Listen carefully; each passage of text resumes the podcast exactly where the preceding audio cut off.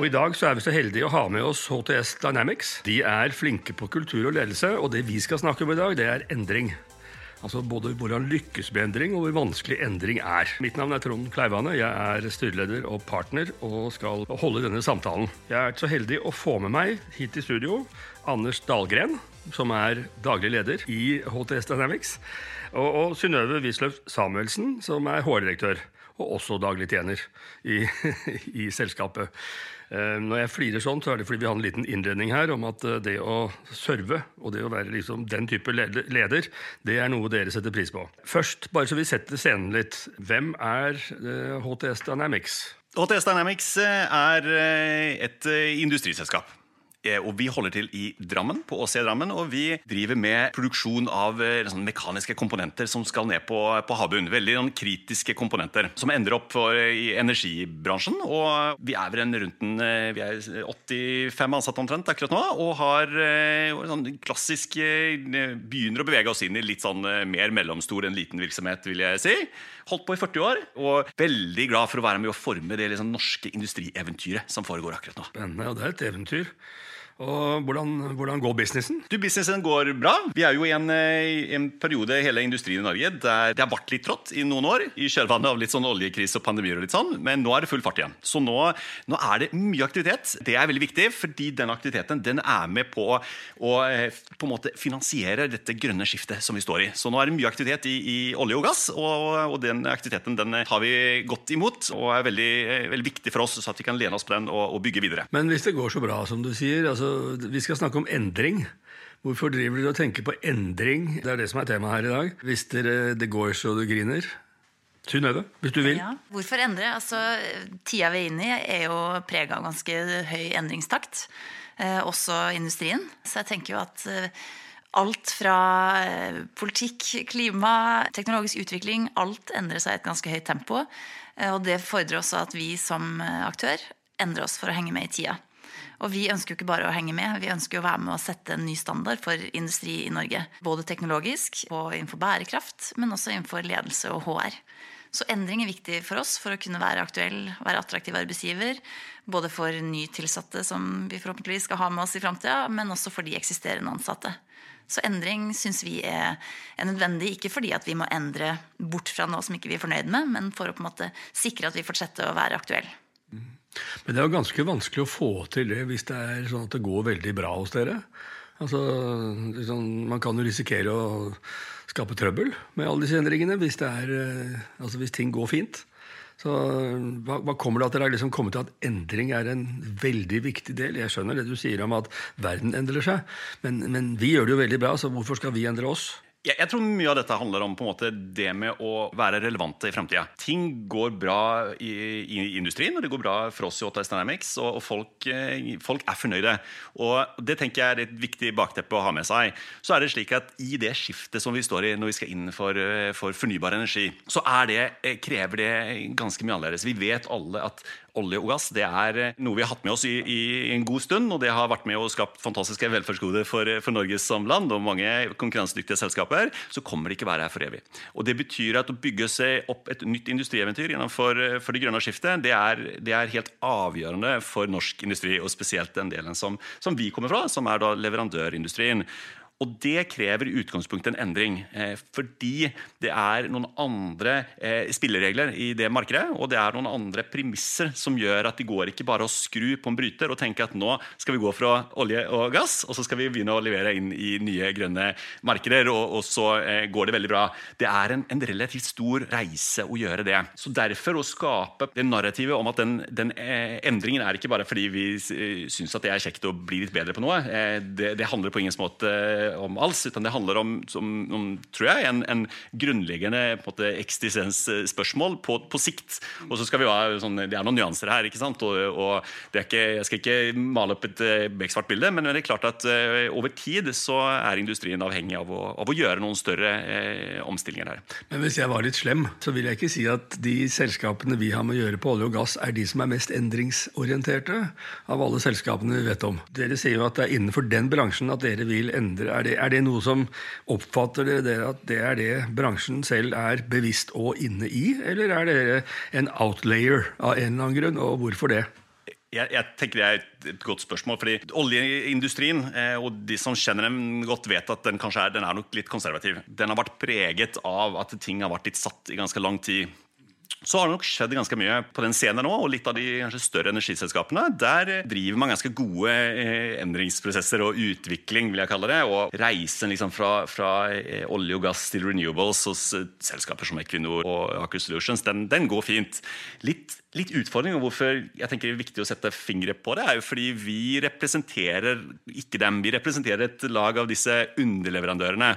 Og Der ser ting litt annerledes ut. Og Folk flest i industrien de jobber jo ikke i Equinor. De jobber i disse, den store underskogen av eh, norske små og mellomstore selskaper rundt omkring. Hjørnesteinsbedrifter og familieselskaper. Og Der er dette endringsbehovet litt annerledes. Det kan være at man har bygget opp et selskap som har vært veldig spesialisert på en type produkt. ikke sant? Og, og så har du gjort det likt i veldig mange år, og så plutselig så, så ser du at det er ikke relevant lenger. Og da plutselig så begynner det å brenne litt. Og jeg tror at her er vi nok eh, fortsatt ikke sett det store behovet ennå. Man er litt fortsatt på at vi ser at nå er det mye som skjer i olje og gass. Og så ser man at på horisonten så begynner det å skje ting. Men vil du si at er dere da foran i denne bølgen av underleverandører som mm, ikke helt har fulgt at nå begynner det å brenne litt, og poteten blir litt varmere å holde i? Vi er nødt til å gjøre noe. Den, det er ikke helt tydelig for alle.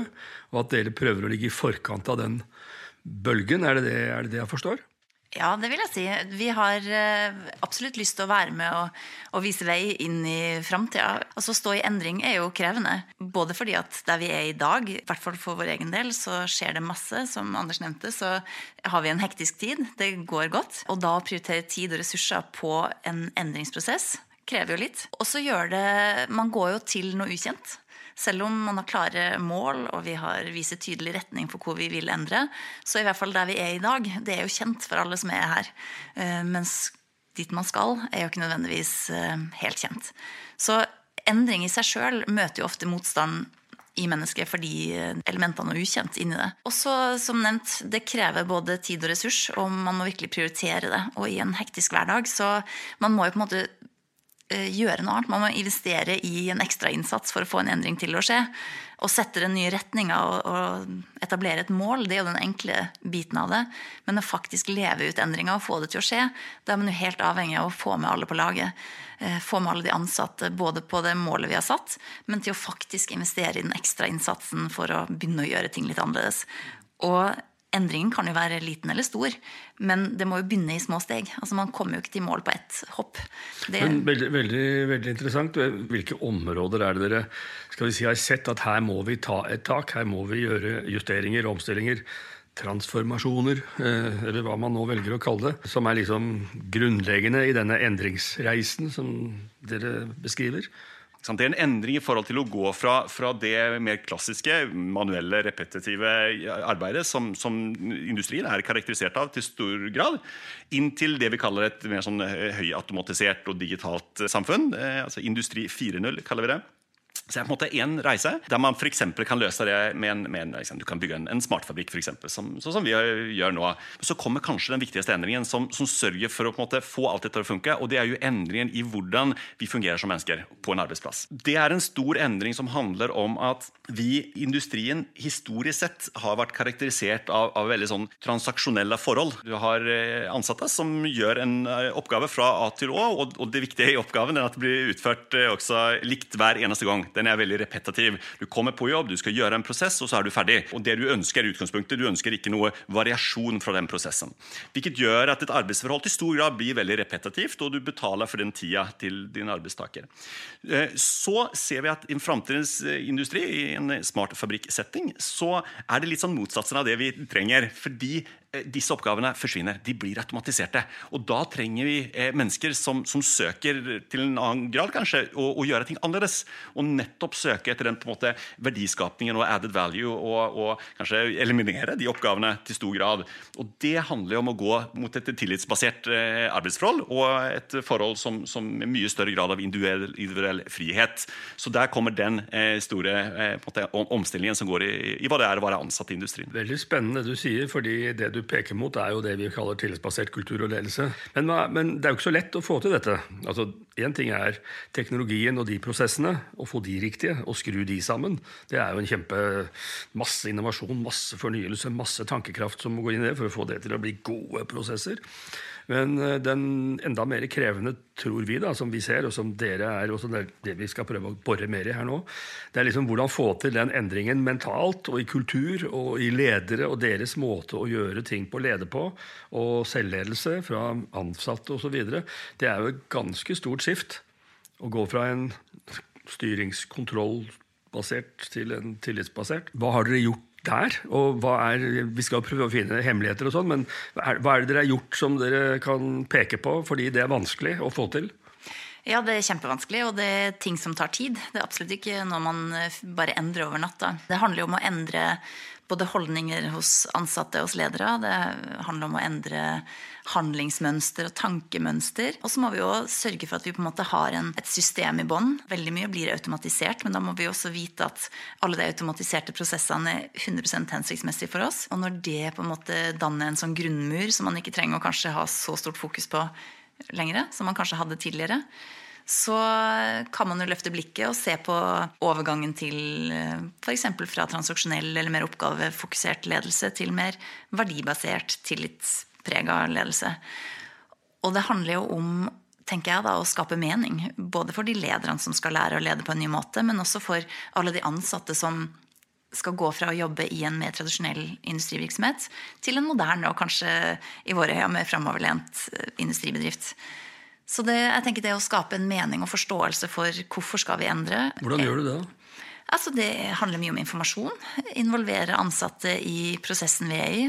Vise alt fra å vise bilder av nye maskiner som kommer, og prøve å, å skape entusiasme over den nye teknologien som kommer på plass. Eh, vise bilder fra fabrikken. altså Vi skal jo bygge den smartfabrikken i samme lokale som vi er i dag.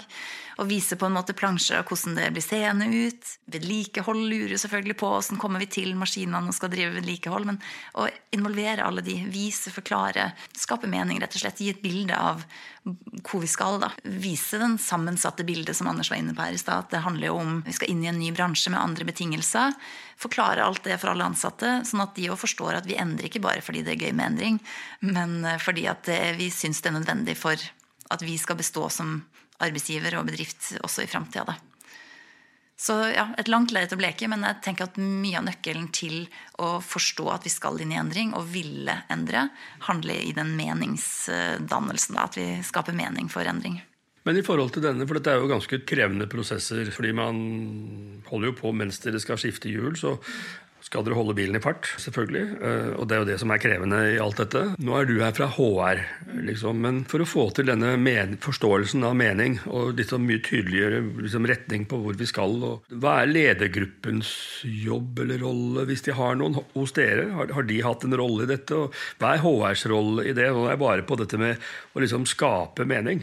Jeg, jeg tror at um, For oss så kommer jo denne reisen litt litt automatisk fordi vi som sitter med oppgaven og, og, og utarbeider strategi, så ganske fort at her er det noe som, som skjer. Her, her, er det et litt sånn sense of urgency å, å gjøre noe. Vi har vært veldig opptatt av at det narrativet rundt hvor vi skal, betyr noe. Vi har, vi har, en, en misjon i, i, HTS Dynamics om at vi skal forme det norske industrieventyret. som Synnøve var litt inne på. Det, jeg, jeg, kan forstå at noen kan synes at ja, det er litt sånn, det høres litt svada ut. Men poenget med det det er jo at det er veldig få eh, mennesker som ønsker å gjøre en, en ekstra innsats eller ønsker utgangspunkt å gjøre så veldig mye, altså endre sin daglige atferd, mindre du virkelig føler at det er behov for det. Det, det, det tror jeg sier seg litt selv. Du, ved å sørge for at vi Jeg vet ikke hvor mye vi har snakket om det, men det er enormt mye om den, den følelsen å være med på skapernivå. skape. Det som, er, det som er, jo, har vært kjempeinteressant, har vært å se at mange av våre ansatte har en enorm yrkesstolthet. Det tror jeg gjelder på de fleste arbeidsplasser. Man har en enorm stolthet, og så, så er vi kanskje som ledere ikke vært gode nok til å bruke det til, til vår favør. ikke sant? Man har tenkt at det er fint, og så er det pizza fredag, og så har det folk det hyggelig på. Men det, i den stoltheten ligger en enorm kraft. Og Hvis vi klarer som ledere å, og linke den opp mot at du er med på å bygge noe, du er med på, på måte, for vår del, å forme et eventyr, så opplever vi at det skaper enormt mye engasjement. Mye mer enn å si vi skal selge for 10 eh, mer neste år. Jeg, hadde jeg vært ansatt og hatt en leder som hadde sagt at eh, vi skal øke bunnlinja, det er ikke så veldig relevant. Det skaper ikke den sense of urgency, eller stoltheten, kanskje. Og det med å koble det på, kall det et eventyr, et, et narrativ, som føler at det er viktig for deg, fordi er, du har en stolthet til industrien, da mener vi at vi har fått uh, tappet inn i det der grunnleggende hos oss mennesker som gjør at du faktisk ønsker å, å bli Du blir kall det selvmotivert. Så vi trenger ikke nødvendigvis å gå ut og pushe nå så veldig mye dette Vi skal prøve å motivere folk, men, men heller å på en måte tilrettelegge for at du selv eh, bruker din egen selvmotivasjon i det. Mm. Det er mange som er på strategi, og de skal endre ting. Kanskje man kommer borti teknologi. Det gjør man ofte. Hm, vi må gjøre noe her. Kanskje man er på prosesser. Kanskje det er noe med struktur, organisering, eh, oppkjøp. Det kan være mye rart. Men, men kultur og ledelse havner ofte bak. Vår erfaring er at det er det som egentlig driver på om du lykkes eller ikke med strategi. Hvordan kom dere dit? For det er ikke selvsagt å komme dit. At du ser at ok, skal vi få dette til, så er det Vi må ha faktisk ledere som har meninger om det vi skal, og vi må ha en kultur og få med oss alle på, på det. Altså, Var det selvsagt å komme dit? Altså, Om det var selvsagt eller ikke, det ble i hvert fall etter hvert ganske tydelig for oss at eh, I ledergruppen, eller i tanker her, eller i selskapet? Altså, hvor, hvor skjer dette? I ledergruppen. Altså, Anders Bay har jo hatt mange diskusjoner og samtaler rundt denne endringsreisen. Og vi har et begrep hos oss der vi snakker om de rette ansatte for HTS Dynamics. Og har prøvd over et par år og, snakke om det i firmaet. Hva kjennetegner på en måte den rette ansatte eller de rette ansatte? Og i den diskusjonen og dialogen frem og tilbake så har vi sett at jo, vi trenger folk som er dyktige på jobben sin. Kan den, kan utføre den. Så de ja, må kunne ha en bra stillingsutførelse, hvis man kan bruke et så generelt begrep. Men så må det være noe mer. Hvis vi skal i hvert fall få til endring, så må vi ha noe mer enn at man bare gjør jobben sin prikkfritt og effektivt og bra. Man må ha noen verdier eller noen kjennetegn, som vi har valgt å kalle det for. Da. Så vi har innført eh, Vi hadde fire verdier som var gjennomtenkt og godt arbeida ut. Men så fant vi ut at klarer vi å spisse det enda mer, sånn at det blir enda mer håndfast for de ansatte.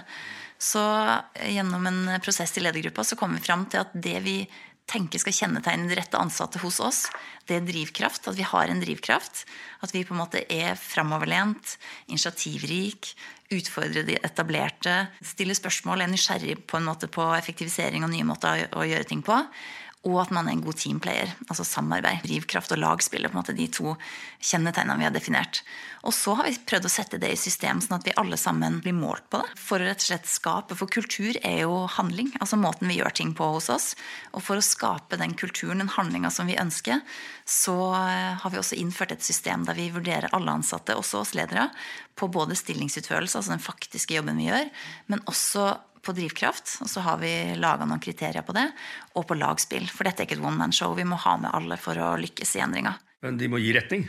Altså, Er vi på riktig vei eller ikke? Man kan jo finne ut verdier. Dere to kan snakke om verdier, og så har det ingenting å si for 80 andre som jobber i bedriften. Hvordan involvere slik at dette blir noe som flere og alle etter hvert gjør noe av?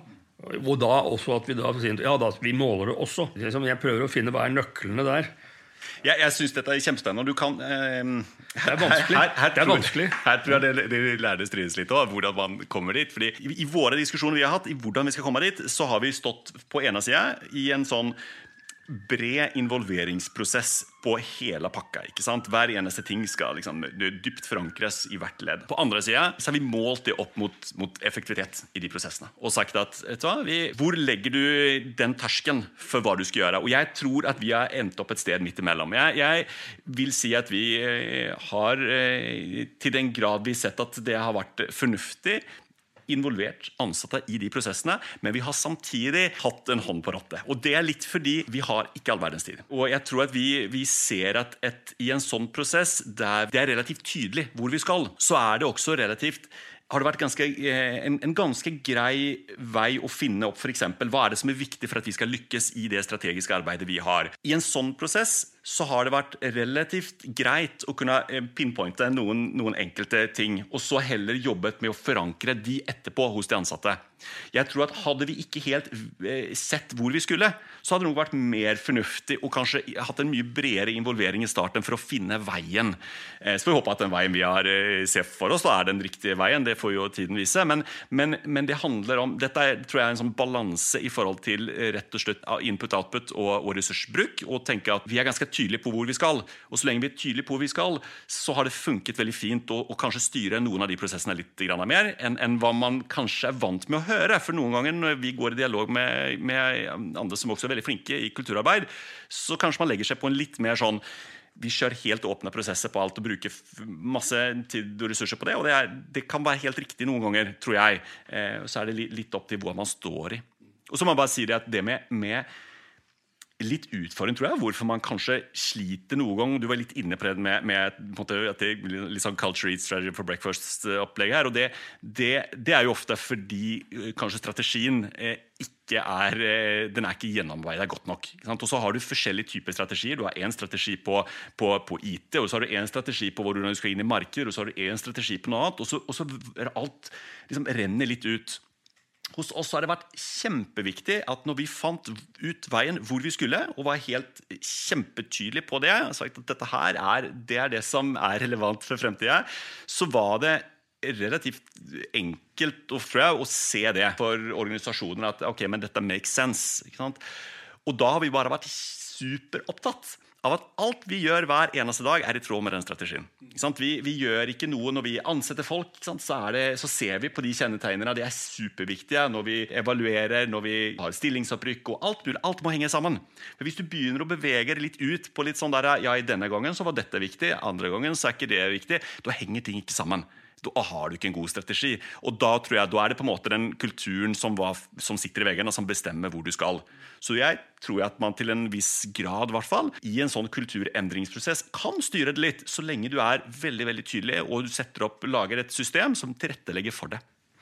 Ja, altså Best practice her, fra min side, vår side, eh, vil være at du, du er Det er ikke tilfeldig at man er leder. Ansvaret er å styre den prosessen.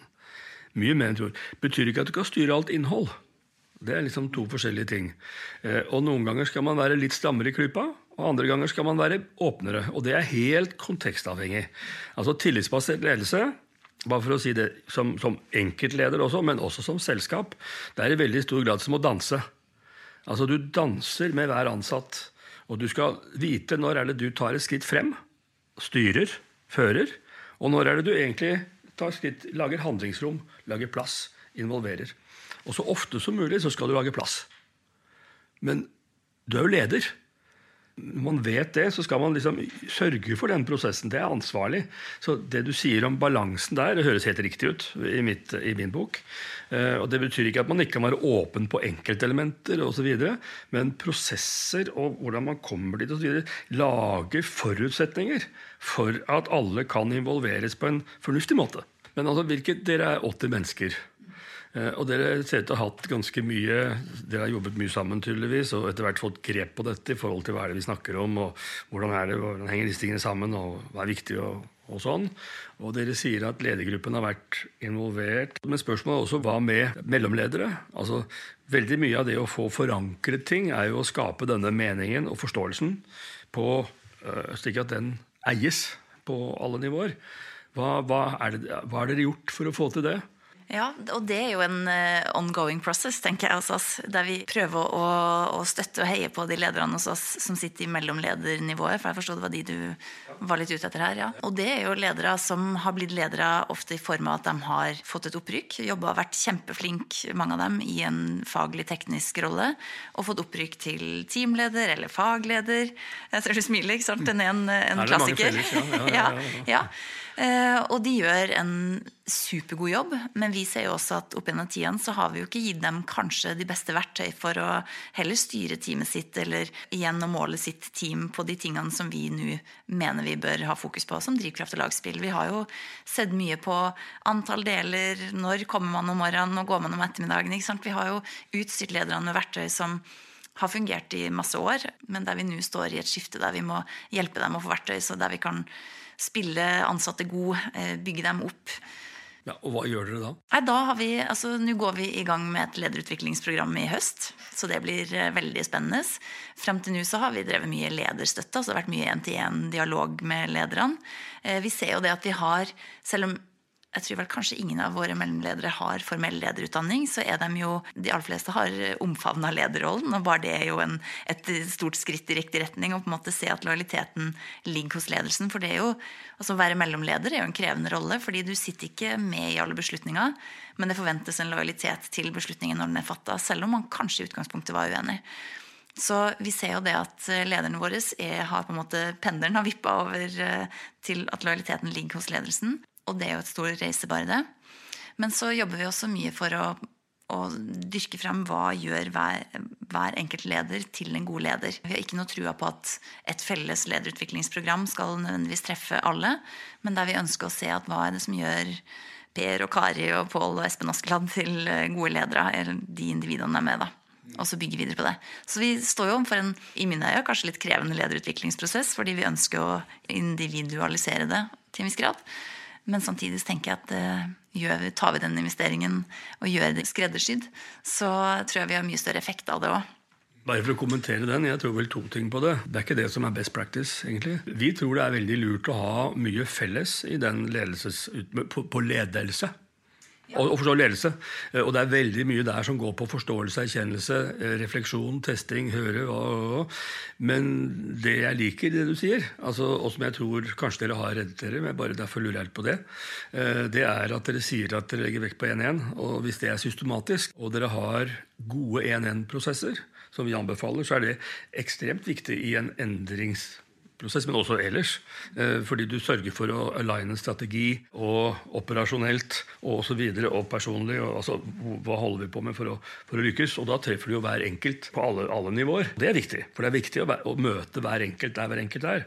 Men veldig mye av det som er dyktig tillitsbasert ledelse for å få team til å fungere, det er ferdigheter som du kan uh, skjønne mye av også i fellesskap. Selv om du er på helt forskjellige steder. Mm. Og Jeg er veldig glad for at du stilte spørsmålet, fordi jeg er veldig enig. Og jeg tenker at her... Du var jo ikke enig i stad. Eh, jo da. fordi det ledelsesutvikling, der tenker jeg felles. Mm. Vi må ha noen, om det blir lederprinsipper eller hva det blir, men det er en grunnmur der for mm. ledelse i HTS Dynamics. Ledelsesplattform kaller vi det. Ikke sant? Mm. Det, vi kan hjelpe dere med dette. Ja. Det er, her er det, her er det oppdrag her er det muligheter, altså. Det ser jeg. Ja, ja, ja.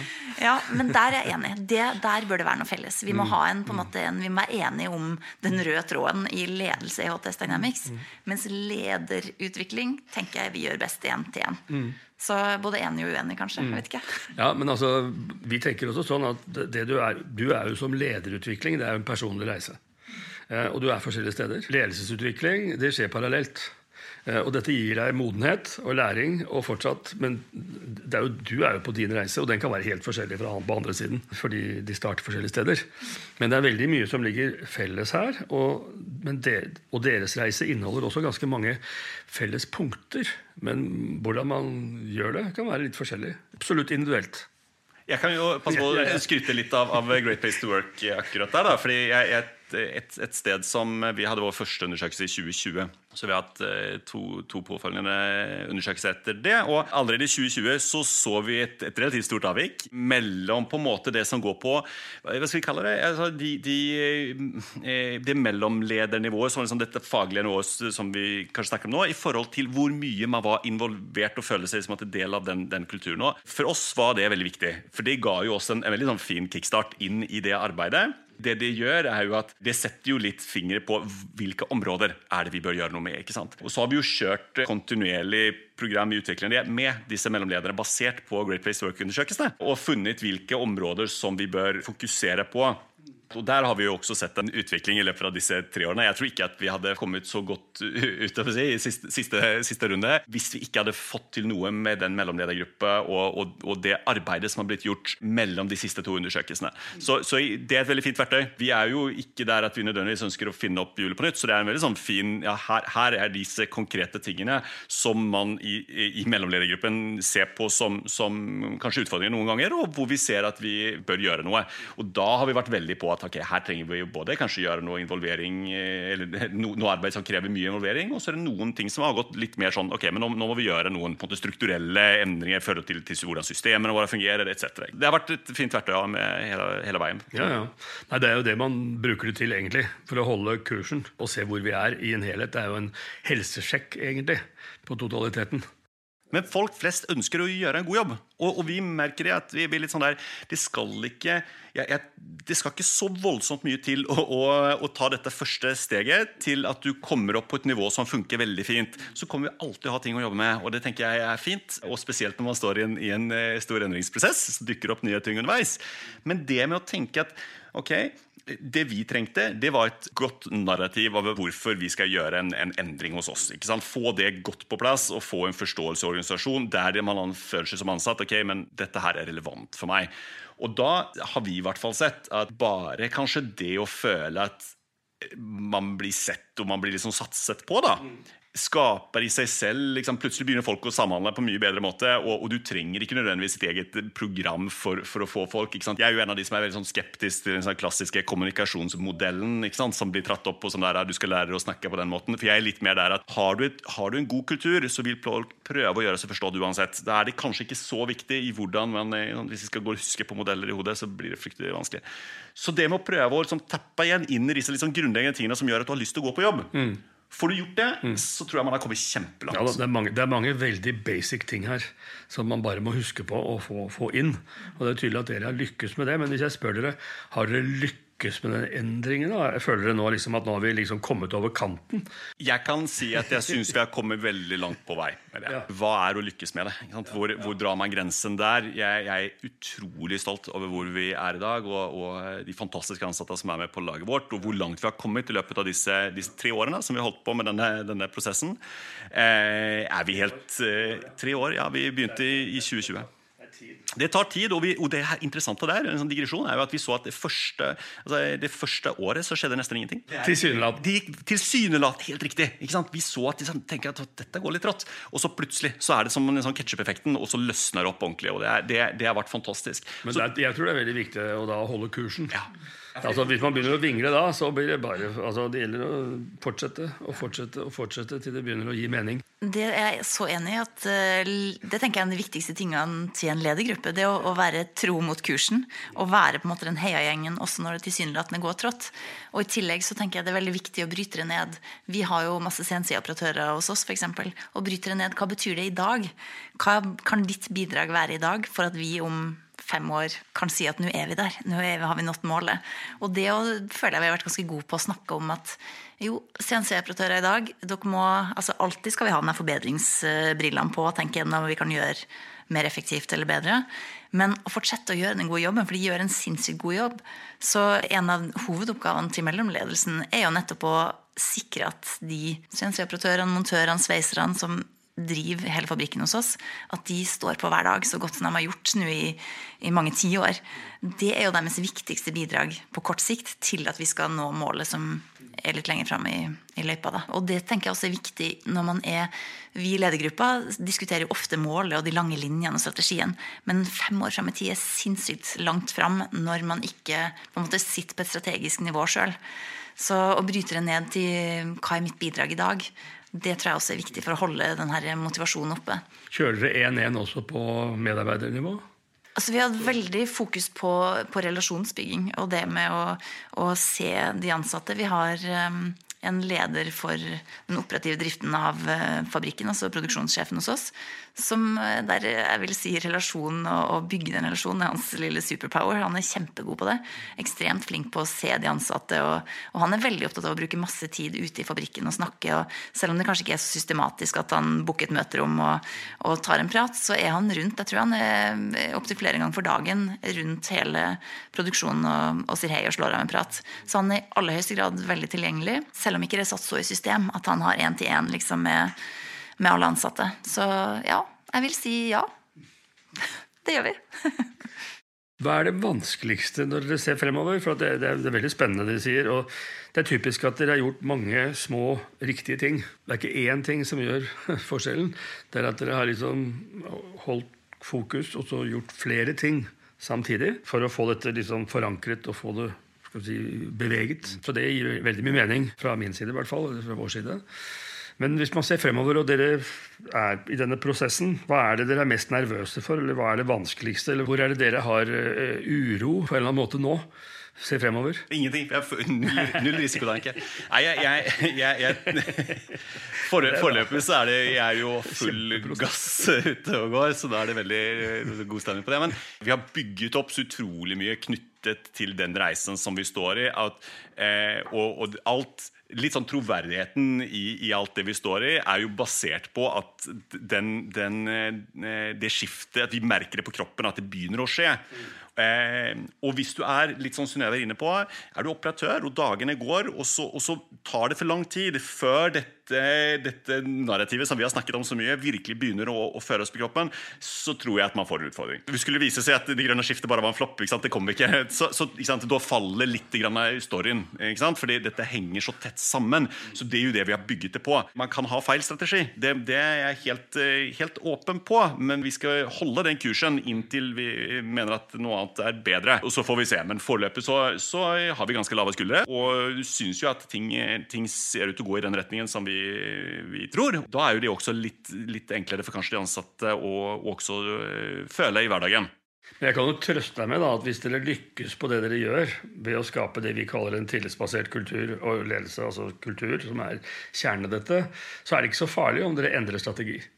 Det spiller ikke så mye rolle, fordi dere har laget en kultur som Ok, så vi går ikke mot eh, den eh, Gausatoppen, nei. Vi tar heller og går ned eh, et annet sted. Det kommer til å gå helt fint. Og dette vil jo endre seg hele tiden, men da er det kulturen som gjør at dere har en måte å arbeide på og bruke hverandre på, som gjør at dere sammen kommer til å få til det.